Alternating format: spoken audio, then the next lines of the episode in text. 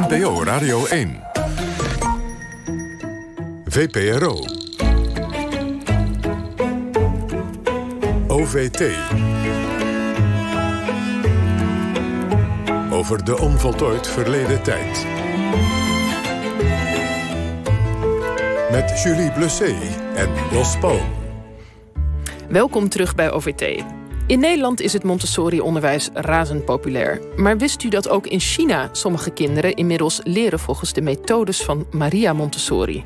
Straks hoort u daar meer over in onze documentaire Leer het ons ook zelf te doen. Over Montessori-onderwijs wereldwijd.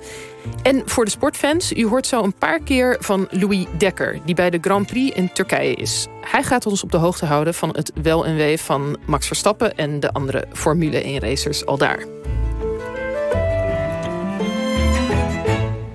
Eerst gaan we praten met onze filmverslaggever Felix uh, Rottenberg... die de afgelopen week ook een uh, race tegen de klok heeft afgelegd. Mag ik dit flauwe bruggetje maken? Nou ja, ik heb het nu al gedaan. Van ons mag het, ja. ja je krijgt er een ehm, bonus voor. uh, maar dan door de selectie van, het, van de ITVA, het documentaire festival... wat volgende week van start gaat. En nou ja, je hebt een mooie selectie gemaakt... van de meest bijzondere historische films die daar te zien zijn. Goedemorgen, Felix. Goedemorgen.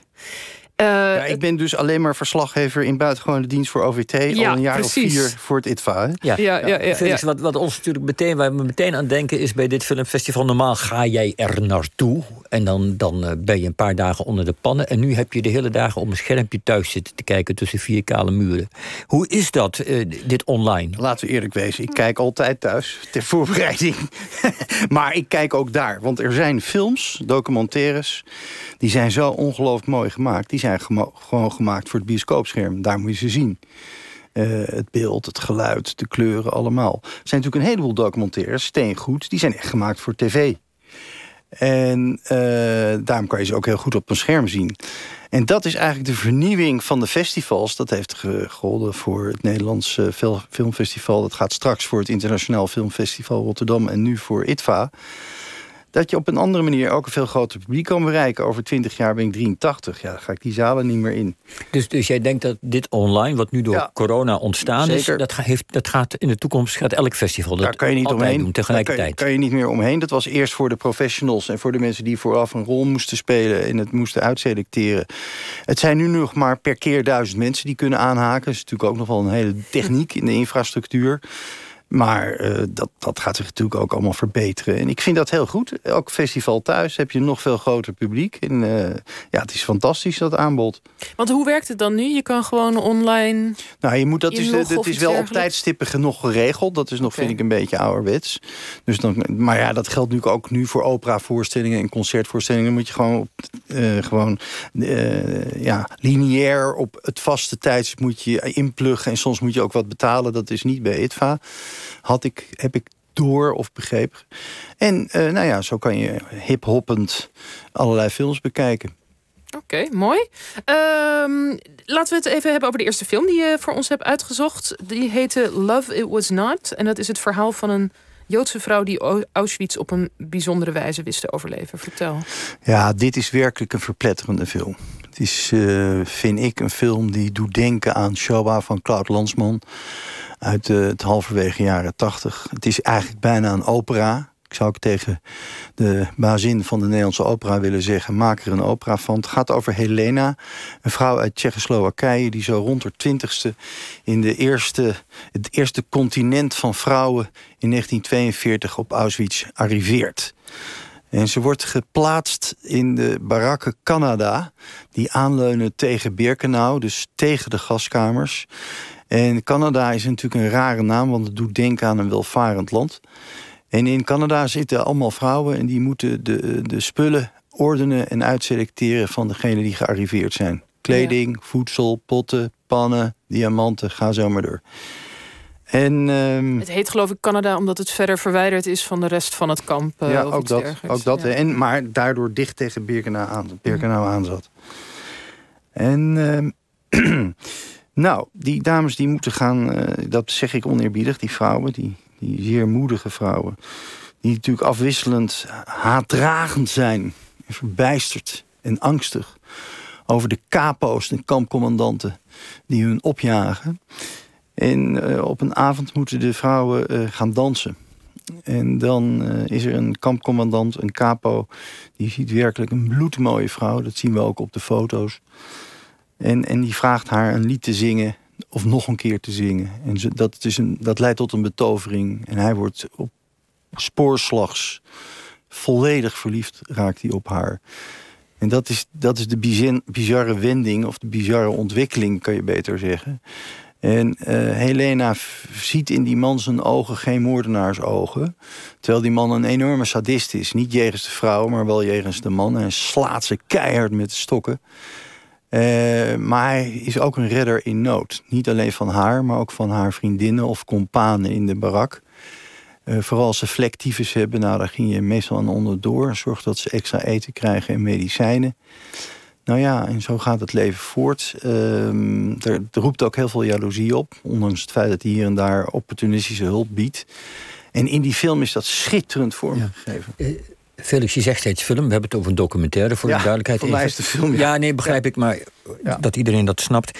Um, wat krijgen we dan te zien? Horen we getuigenissen van andere overlevenden? Horen we haar, boekjes, archieven? Vertel eens. Goeie vraag. Het is, een, het is een collage van interviews, fragmenten uit het dagboek van de kampcommandant die verliefd op haar was, Frans Wunsch.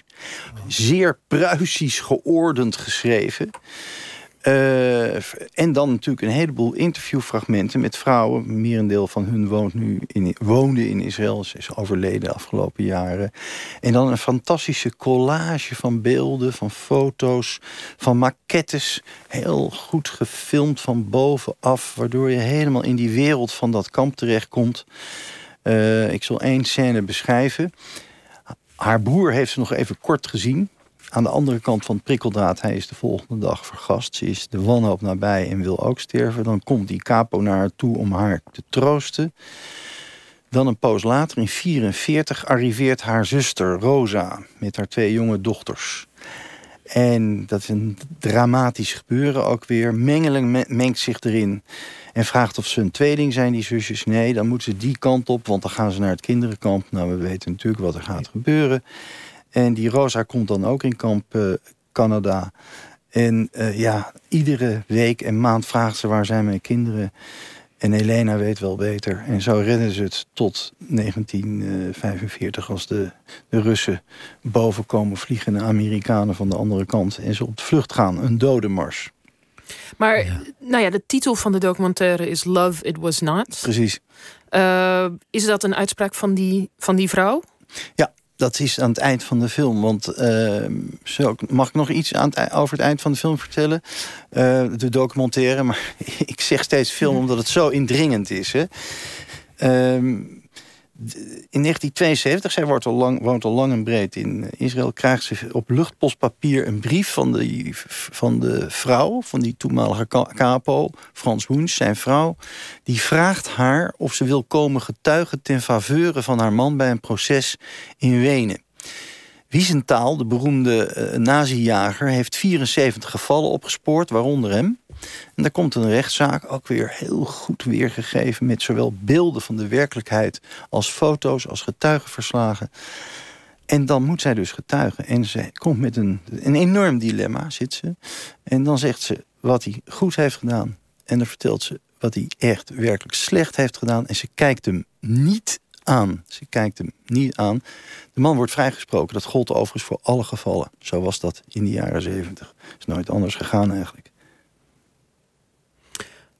Oh, ik geloof dat we... Krijgen wij een sportflits? Oh nee, nog niet. Sorry, het is nog niet gelukkig niet zo verschrikkelijk... dat we nu meteen uh, naar, naar de Grand Prix moeten. Sorry. Na dit verhaal sportflits, maar, maar zij zegt dan uiteindelijk... zegt zij dus ook, concludeert ze zelf ook... ze zegt, love it was not. Het, was, een relatie, het, was, voor mij om te overleven. het was een betovering. Nee, het was meer dan overleven. Meer dan dat. Het was een betovering van een jong meisje haar eerste liefde. Het was een betovering. Hij was smoor verliefd. Om die reden heeft hij daar ook willen helpen. Maar het was een betovering. En later zei ze natuurlijk, meer was het niet. En ze heeft hem ook nooit meer willen zien. En ook nooit meer over hem willen praten. Ja. Nog één, één beeld. Mhm. Die vrouw was ook werkelijk schitterend. Een soort Sofia Loren. Ja, je zegt dit, Felix, en het, het, het, het, aardige is... je kijkt nu even naar jezelf, je bent nu in beeld... voor de mensen die meekijken op de computer. Uh, er werden ook stukken uit de documentaire getoond net... en we zagen haar. Ze is inderdaad een, een schitterende vrouw om te zien. Zullen we naar de tweede film gaan? Um, ja, laten we naar de tweede film gaan. En dat is... Oh, oh nee, we, gaan, eerst naar de Grand Prix uh, in Turkije, naar Louis Dekker. Louis Dekker, vertel, hoe, hoe gaat het daar? Het is een, eh, een beetje spookachtig en nat. De eerste ronde loopt. Het is spektakel in Turkije. Met Verstappen die dacht vanaf de eerste rij... dat wordt een makkie met Lance Stroll die het niet gewend is naast me. Maar Lance Stroll start alsof hij het altijd doet. Starten in listige omstandigheden vanaf de eerste plek. Die gaat er vandoor. Zijn teamgenoot Sergio Perez er achteraan. Verstappen heeft zijn start volledig verprutst kwam echt niet van zijn plek. Totaal geen grip in die uh, listige omstandigheden. Kletsnatte baan. Die banden willen alle kanten op. Maar behalve, ja, vooruit, dat lukte nog niet echt.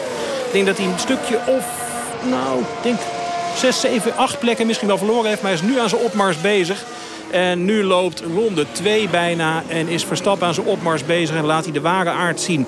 Hij heeft er alweer een paar te pakken. Hij heeft nu Vettel voor zich, Verstappen vierde.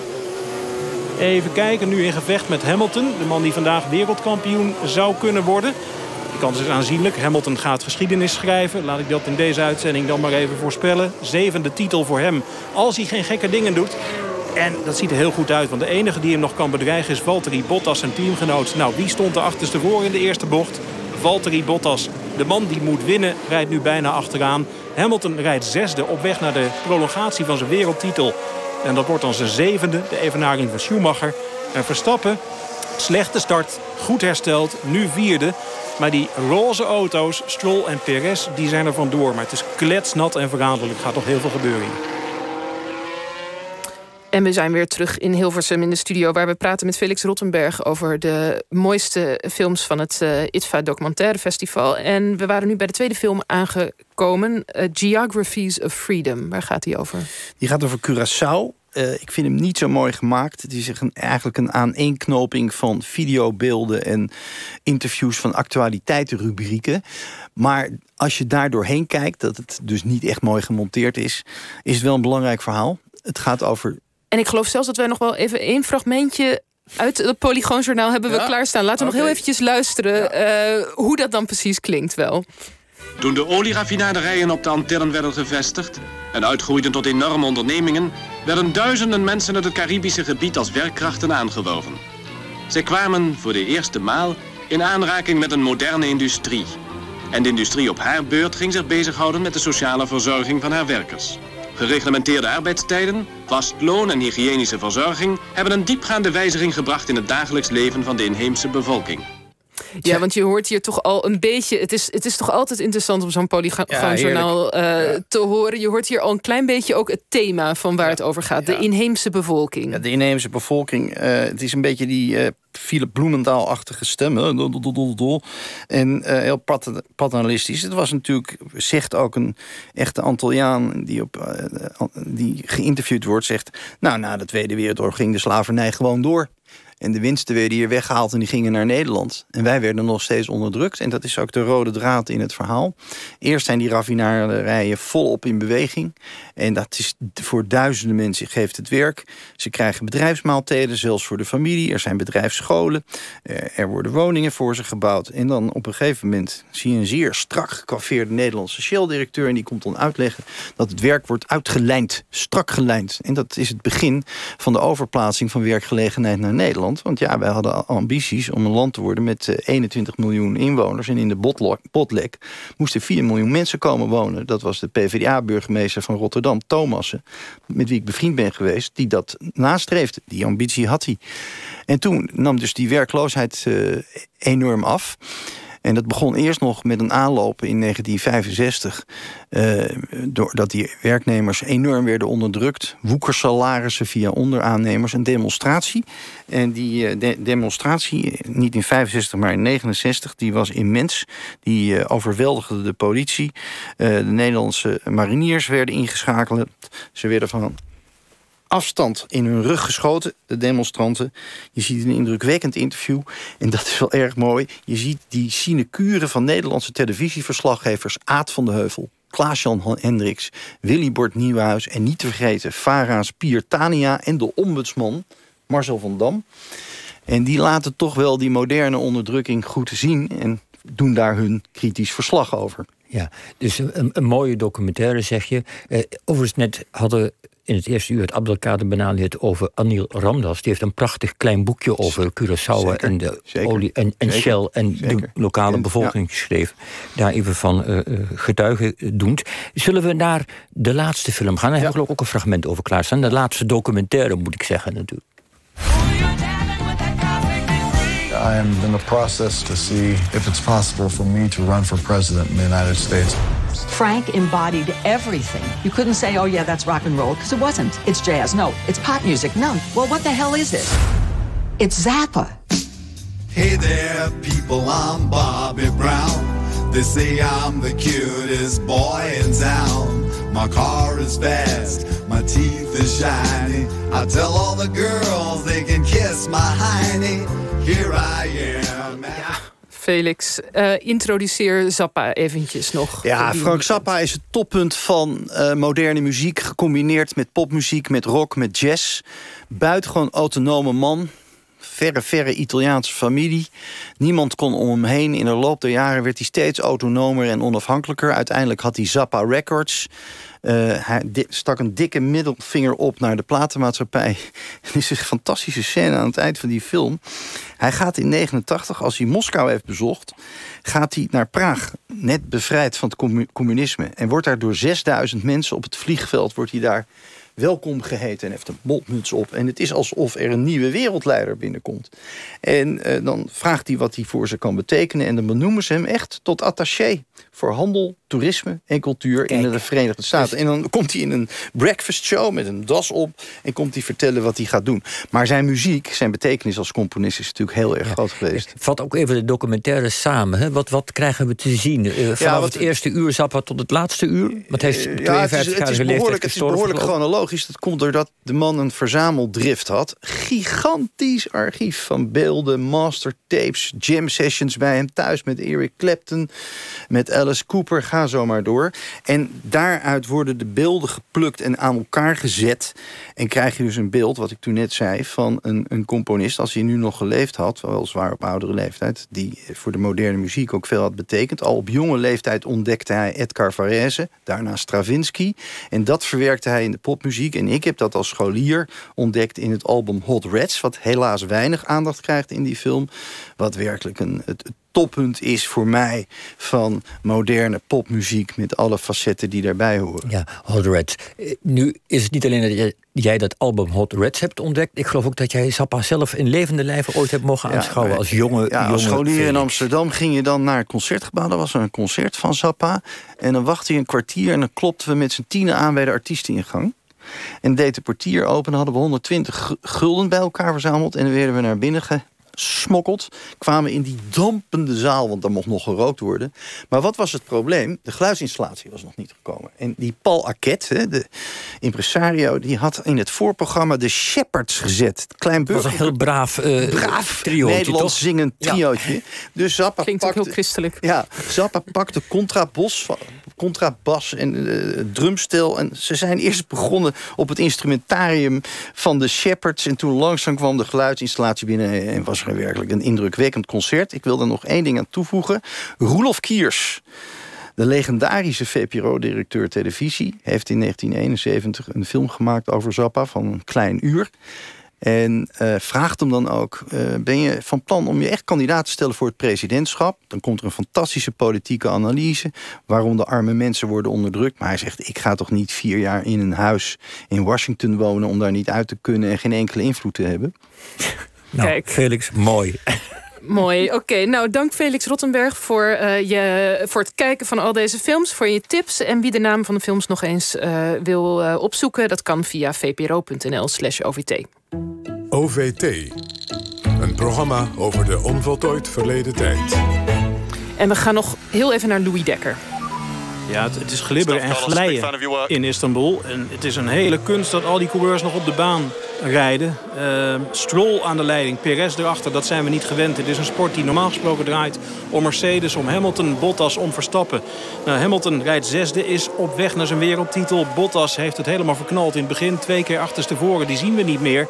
En Verstappen vierde, maar wel 16 seconden achter Lance Stroll op een opdrogende baan. Maar Verstappen verliest tijd achter Sebastian Vettel in de Ferrari. 16 seconden achter Stroll. Maakt dat nog maar eens goed.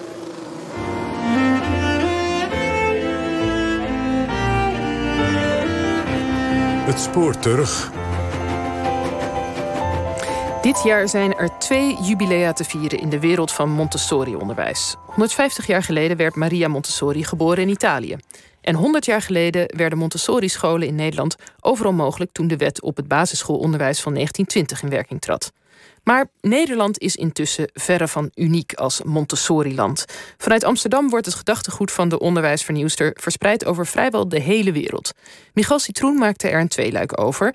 En vandaag is er dus deel 2: Leer het ons ook zelf te doen.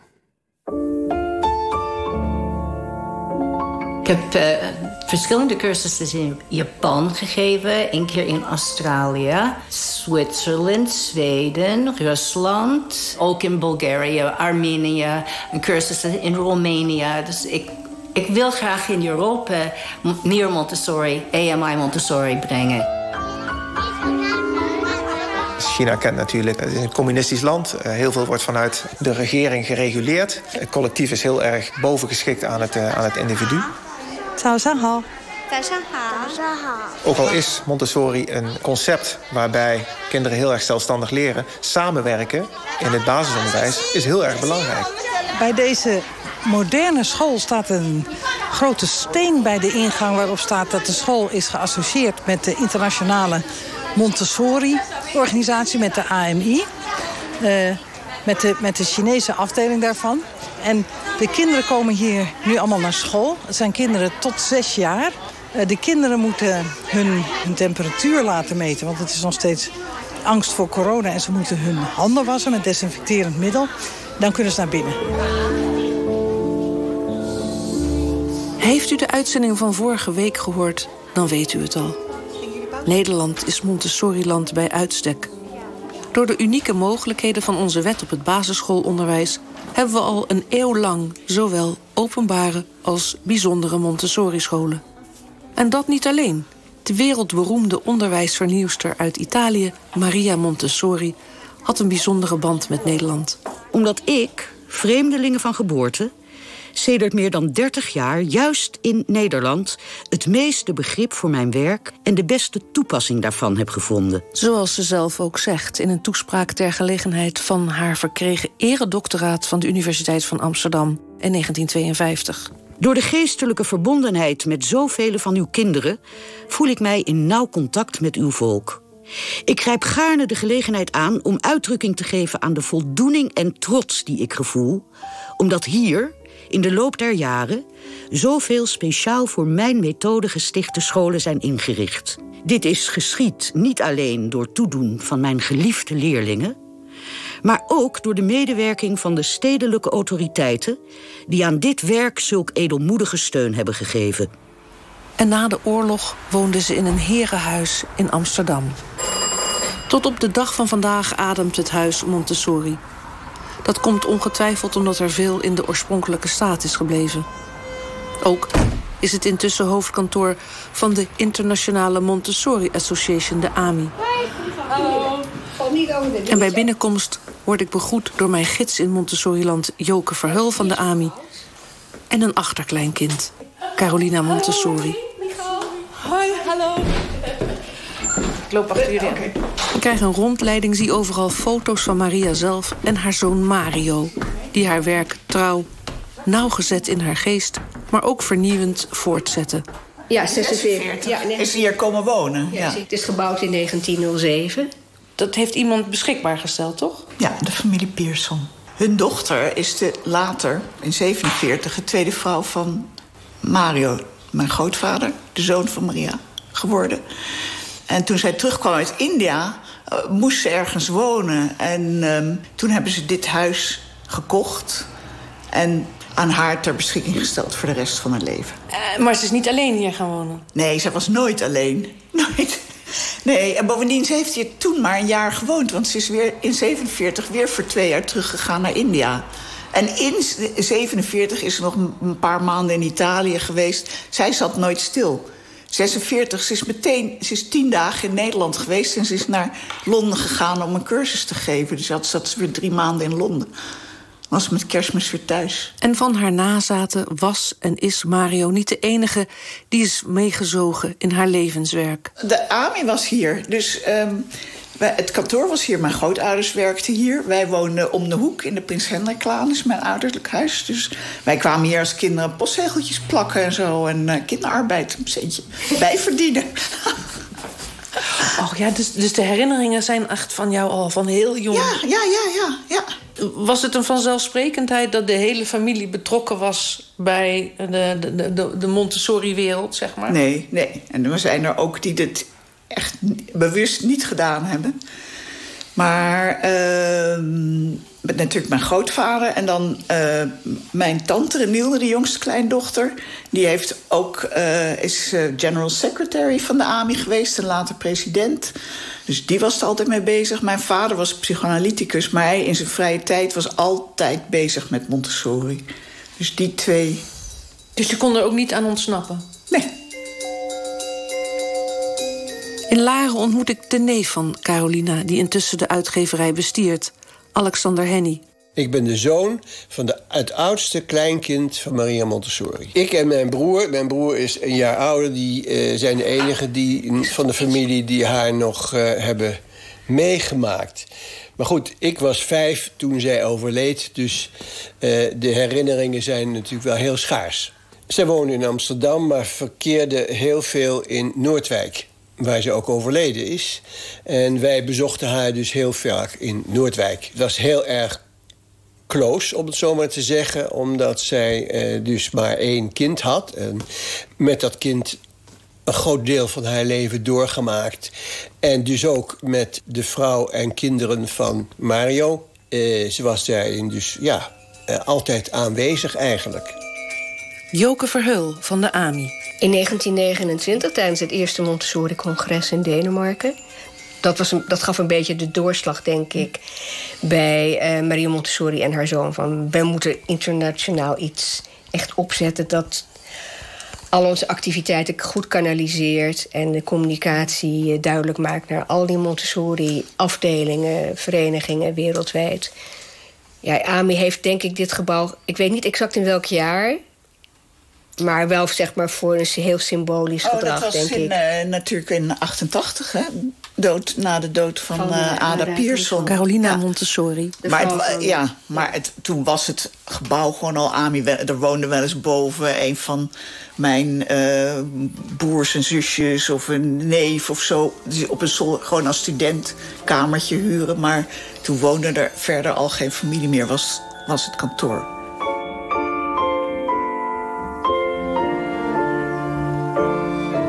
AMI heeft van Amsterdam een heus Montessori-centrum gemaakt. Ja, dus met haar is de AMI ook hier gevestigd. Dus eigenlijk waar Maria Montessori was, was AMI. Ja.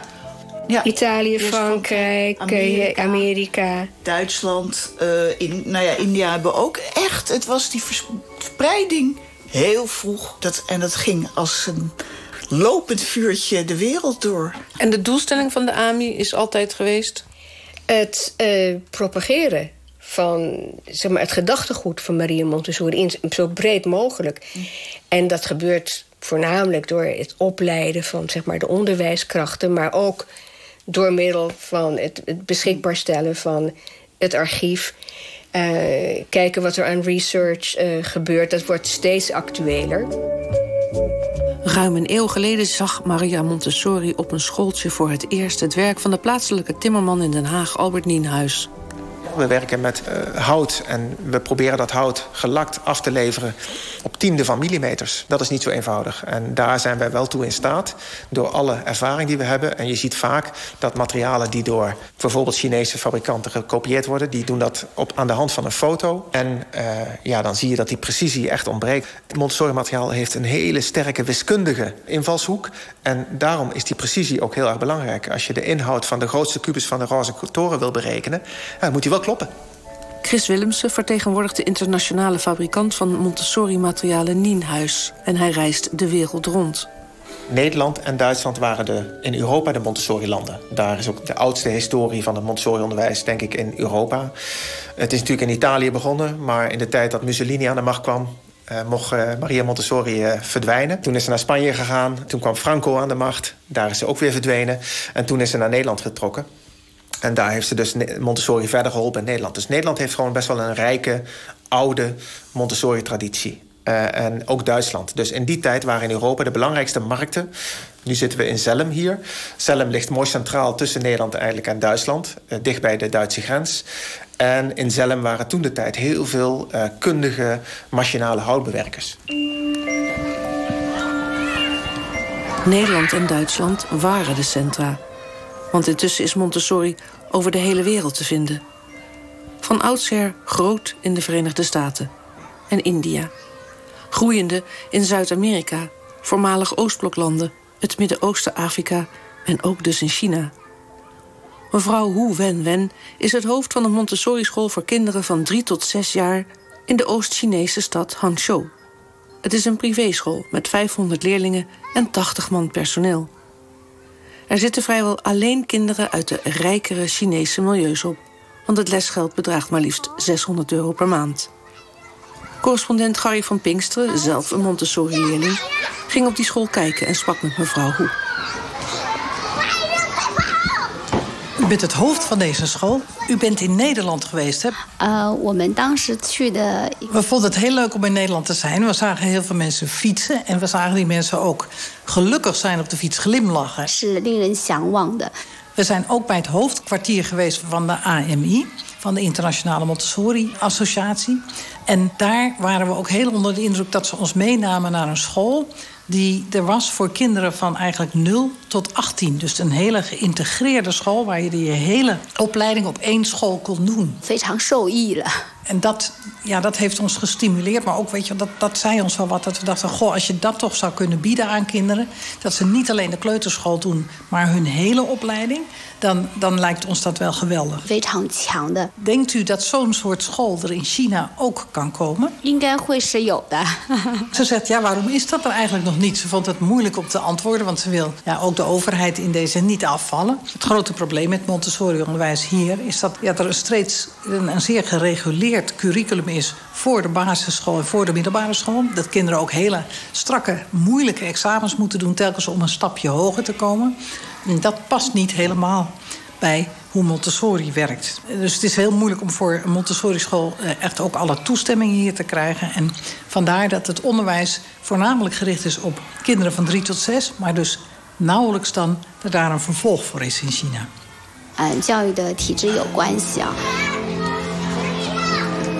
De Amerikaanse Patricia Wolner werkte bij haar komst naar Nederland als secretaresse van Mario Montessori bij de AMI. Ada ah, Montessori heeft gezegd: Oké, Patricia, jij bent gewoon zijn secretaresse. Volg hem. Doe wat, wat dan ook hij heeft nodig. Lees dingen voor hem, want hij kan niet zo goed zien meer. Dus ja, het was ontzettend leuk. Ik heb zoveel van hem geleerd. En hij was Zo'n speciale man. Maar zo snel als het kon pakte ze haar passie voor het lesgeven weer op. Ik geef nu zelfcursussen. Ik, uh, na, nadat Mario doodging, ging Adam Montessori en ik vanuit Nederland naar Amerika... naar een conferentie in Illinois.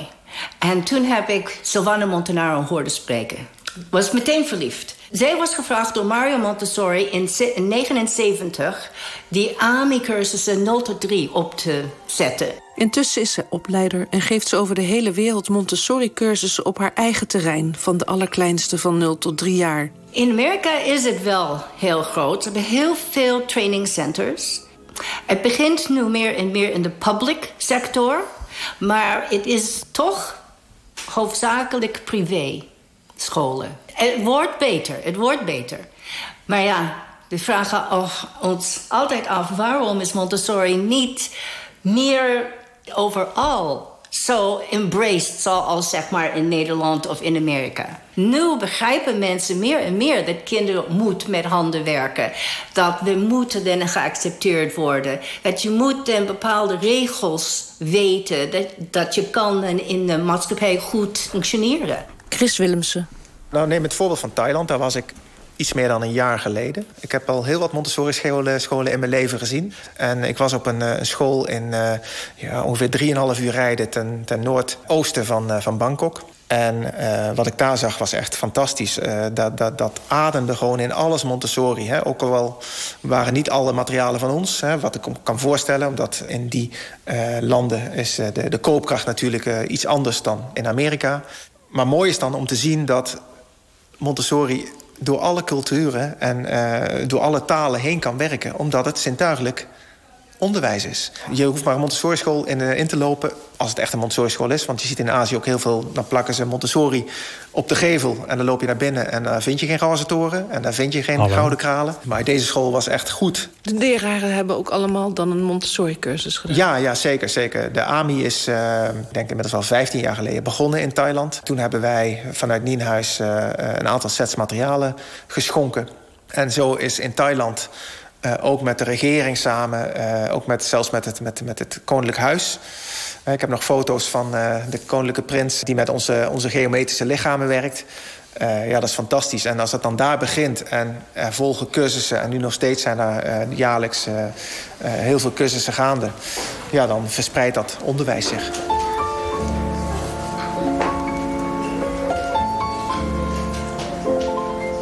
Sinds 2008 worden er in Hangzhou mensen opgeleid tot Montessori-leraar of veel vaker lerares. Die opleiding vindt plaats in samenwerking met de AMI. Er zijn inmiddels al twaalf jaargangen docenten opgeleid. Ze krijgen les van buitenlandse docenten uit onder meer de Verenigde Staten, Noorwegen en India. Die opleiding duurt drie jaar. Je moet dan al zijn opgeleid tot lerares in het reguliere systeem en je volgt de cursussen in de zomer- en wintervakantie. Wat is het meest belangrijke wat die leraren en leraressen leren op die Montessori-opleiding?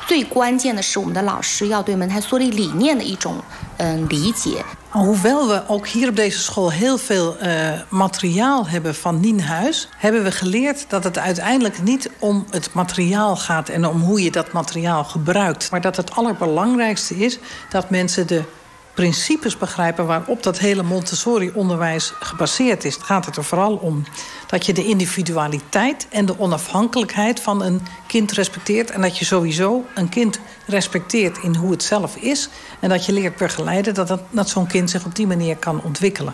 对儿童的一种信任，以及嗯更好的去支持 找工作找到蒙台梭利的一个学校。 Nou, juffrouw uh, Chen vertelt, ik was aangesteld na mijn opleiding tot uh, kleuterlerares... dat ik uh, toen op een Montessori-school kwam en ik kende dat hele systeem niet... Maar ik, ik was heel geïntrigeerd door wat daar voor lesmateriaal gebruikt werd. Want uh, in andere scholen was het altijd met een beetje cartoons aan de muur... een beetje vrolijk opgeschilderd. Maar dit was eigenlijk veel meer serene klassen... met heel veel hout en heel veel houten uh, leermiddelen. Eh, en ik dacht, ik wil ook weten wat er nou eigenlijk in die doosjes zit en wat je daarmee mee doet. Dus ik, ik ben het ook gaan bekijken. En ik herinner me nog heel goed dat ik bijvoorbeeld eh, op een gegeven moment de kaart van Afrika had gepakt. Dat ik daar de landen in wilde leggen, maar dat ik het niet helemaal kon. En dat er toen een kind was van zes die mij heeft geholpen om die landen weer in die kaart te leggen. En ik begreep doordat ik er zelf mee werkte, begreep ik van hoe stimulerend dat lesmateriaal is. Toen dacht ik, nou, als, als die school dit biedt... en deze sfeer, deze rustige sfeer... met, kinderen die geconcentreerd aan hun werk zitten... dan uh, wil ik zelf ook lerares worden uh, op zo'n school. En toen ben ik de Montessori-opleiding gaan doen. Je hebt ervaring met, met cursisten van over de hele wereld. Ik neem aan dat die allemaal anders reageren op het materiaal wat je aanbiedt. Iemand uit China heeft een andere ervaring met onderwijs dan iemand uit Italië of Nederland of uh, Duitsland. Nou ja, we hebben een heel, heleboel Chinese studenten op het ogenblik. En, Patricia Wolner. Ja en nee. Want de kinderen van China moeten toch de taal leren. Moet toch doen wat ze thuis ziet gebeuren. Nou, ik heb het meer over de 0 tot 3. Want daar is mijn specialiteit. Maar het is toch hetzelfde. Maar wij zeggen altijd, ja, je moet het ook cultureel bekijken. Dus als jullie geen bezem gebruikt, maar een lapje... dan moet je dan gebruiken in, in, met de kinderen. Snap je? Als je dan uh, chopsticks gebruikt in plaats van een vork... dat moet gewoon een deel van de dagelijkse leven oefeningen zijn. Dat is geen probleem. Cultureel aangepast is Montessori altijd geweest. Ook van haar tijd in India. Achterkleinkind van Maria Montessori, Alexander Henny herinnert zich hoe vaak en hoeveel mensen uit het buitenland op bezoek kwamen in Amsterdam of het zomerverblijf in Noordwijk. Eenmaal na zijn studie ging hij zijn eigen weg. Maar intussen is de uitgeverij van Montessori boeken en steeds vaker vertalingen in zijn handen. Ik ben ervan overtuigd dat wij als mensen niet anders zijn nu dan 100 jaar geleden, of 200 jaar geleden, of 1000 jaar geleden. Je kan alleen faciliteren voor de cultuur waar je in leeft. En dat is ook het interessante wat zij gedaan heeft. Dat zij is zes jaar in India geweest. En heeft daar ook ja, de Indiase cultuur kunnen observeren met de kinderen. En tot de conclusie gekomen dat eigenlijk, ja, elk mens is hetzelfde. Uh, het is wel handig als je je aanpast aan de lokale cultuur. Voor correspondent Gary van Pinksteren was haar tocht naar Hangzhou een blik terug in de tijd. Heel even een oogje naar binnen kijken, want ik zie hier de matten al. Hè? Deze ze hebben ze daar bejoemd. Nee, ja, want inderdaad, hier zijn in ieder geval de Montessori matten waar de kinderen op zitten. En ik zie ook een heel bekend ding. Ik zie uh, de schijf met de breuken erin. Uh, heel, heel traditioneel Montessori is dat inderdaad. Kinderen zijn nog niet allemaal in de klas, aantal wel. Kijk, hier, dit, dit komt ook van, uh, van Nienhuis. En ik vraag of er ook de roze toren is. En inderdaad, de roze toren staat hier in een hoekje. Die is heel goed gebruikt al. 这个我也认识，也是尼豪之类的，是吧？是的，是的，是的，是弟弟这里。Ja, behalve wat dingen die dus met taal te maken hebben. Want uh, ja, de kinderen leren hier karakters, ze leren hier Chinees. Uh, behalve die dingen uh, is al het materiaal dus gewoon rechtstreeks uit Nederland geïmporteerd. Al dat lesmateriaal is echt het universele materiaal. Ja, dat is inderdaad het dure, het dure product met de bellen waarop je dan slaat om, te, om je gehoor te ontwikkelen, om muziek te ontwikkelen, om zelf ook een muziekstukje te kunnen combineren. 呃，能不能请一个孩子给我玩一下这个吗？这样子，因为我们 is een hele interessante uitleg nu bij die bellen. Want ik vraag, kan een kind dat misschien even doen? Maar ze zegt, nee, zo werken we hier niet. Want we zijn een echte Montessori-school. Dus als je het straks, als je langs de klasse loopt... als je dit geluid hoort, omdat een kind dat toevallig echt aan bezig is... kan je het natuurlijk opnemen. Maar wij willen niet kinderen dwingen om eh, zeg maar kleine voorstellingjes te doen... en op commando bepaalde handelingen te verrichten. Wij willen juist dat het echt uit de kinderen zelf komt en dat ze zelf spelen.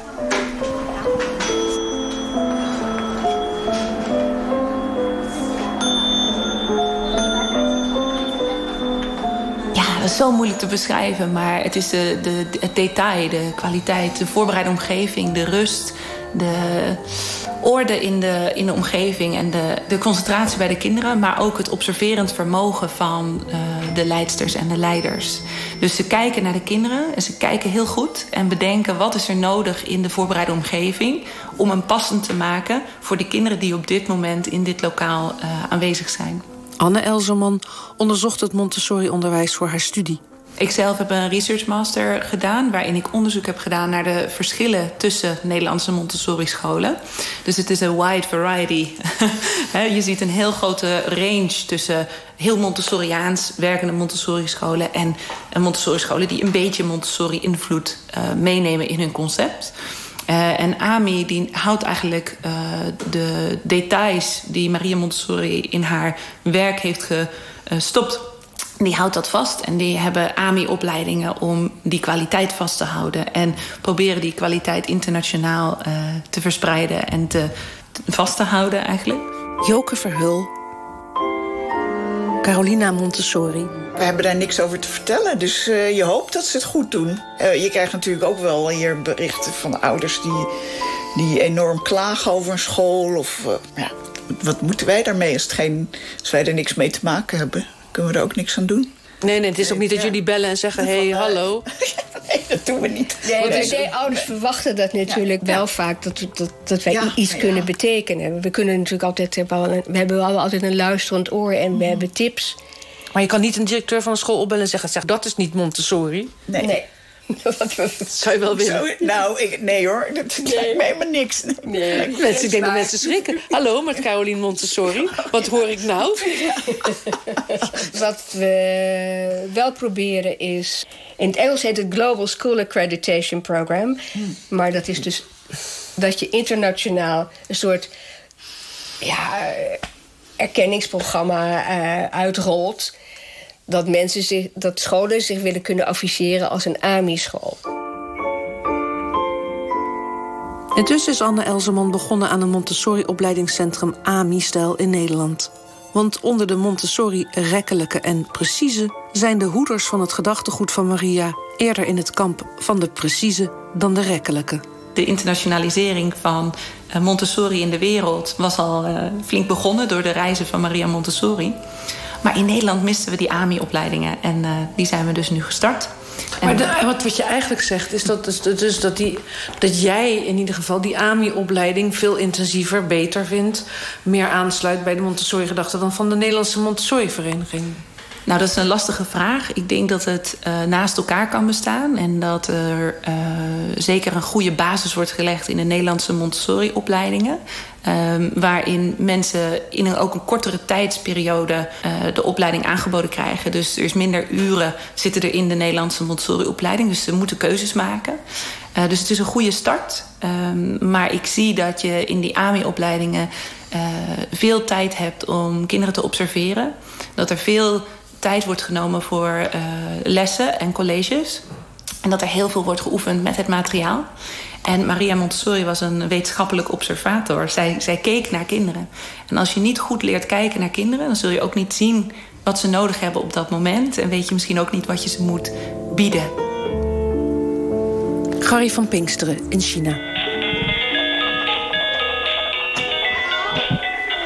Hallo, niet meer gauw. Ni hao, ni hao, ni hao. Ik, ik kom nu binnen in een heel mooi groot huis met een uh, parketvloer en een hele hoge vide van twee verdiepingen, veel glas. Vader, moeder, twee kinderen, een jongen en een meisje. Uh, het ene kind gaat nog hier naar de Montessori kleuterschool eigenlijk. En, de andere, en het jongetje, dat iets ouder is, heeft er ook op gezeten. Zijn kinderen van acht en vier jaar oud.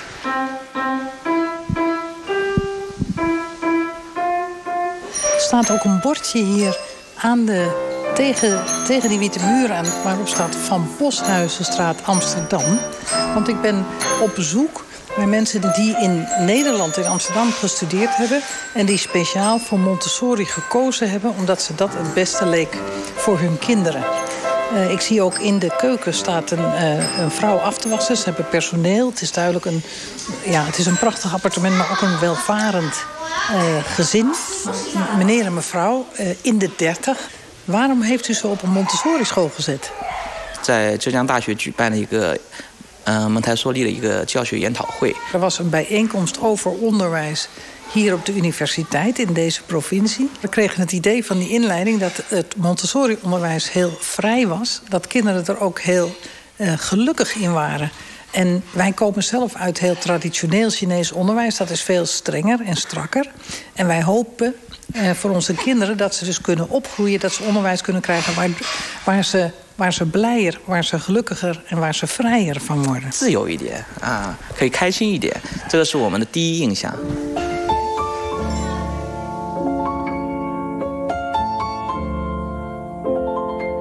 Ja, vanuit hier worden natuurlijk zeg maar, allerlei cursussen uh, begeleid. We hebben cursussen in ruim 40 landen.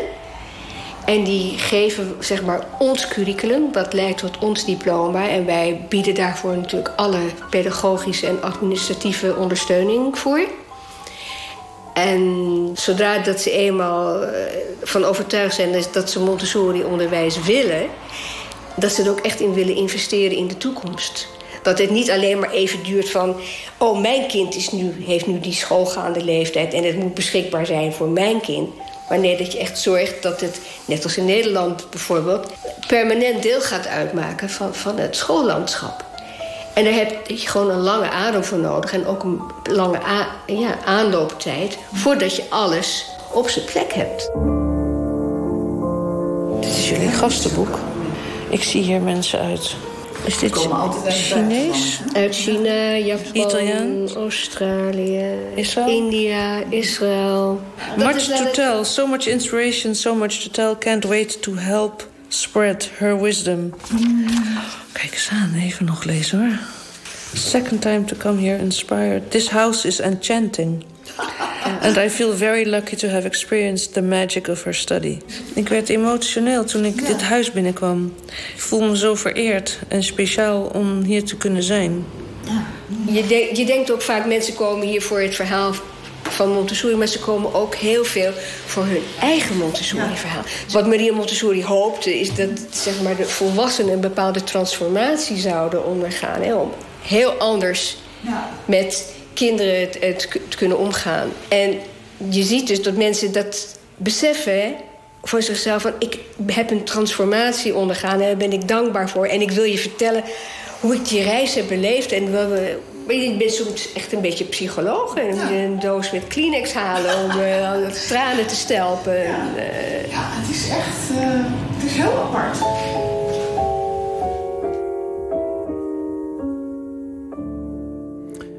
U hoorde een programma van Michal Citroen, gemonteerd met Berry Kamer. De teksten voor deze serie werden gelezen door Matthijs Deen en Tessel Blok. En nu gaan we nog eventjes naar Louis Dekker vanaf de Grand Prix te Turkije. Waar het nog steeds verraderlijk en nat is. En het slechte nieuws is dat uitgerekend Max Verstappen zich erin verslikt heeft. Die had P2 de tweede plek in zicht door een foutje van Sergio Perez.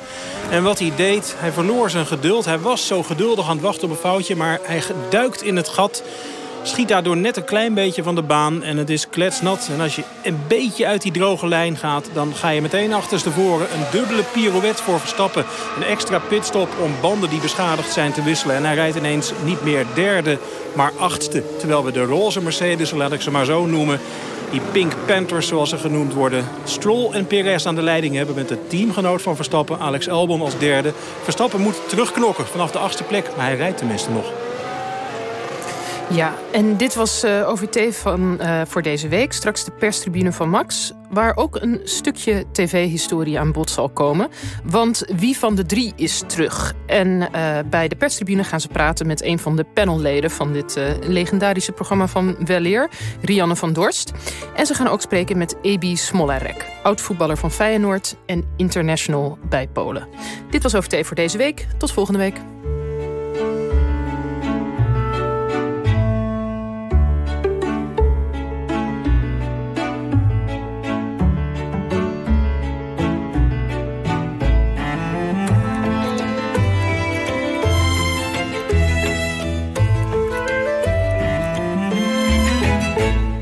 Daarmee, geachte luisteraars, laat ik u over aan de verpozen die de radio u plicht te bieden.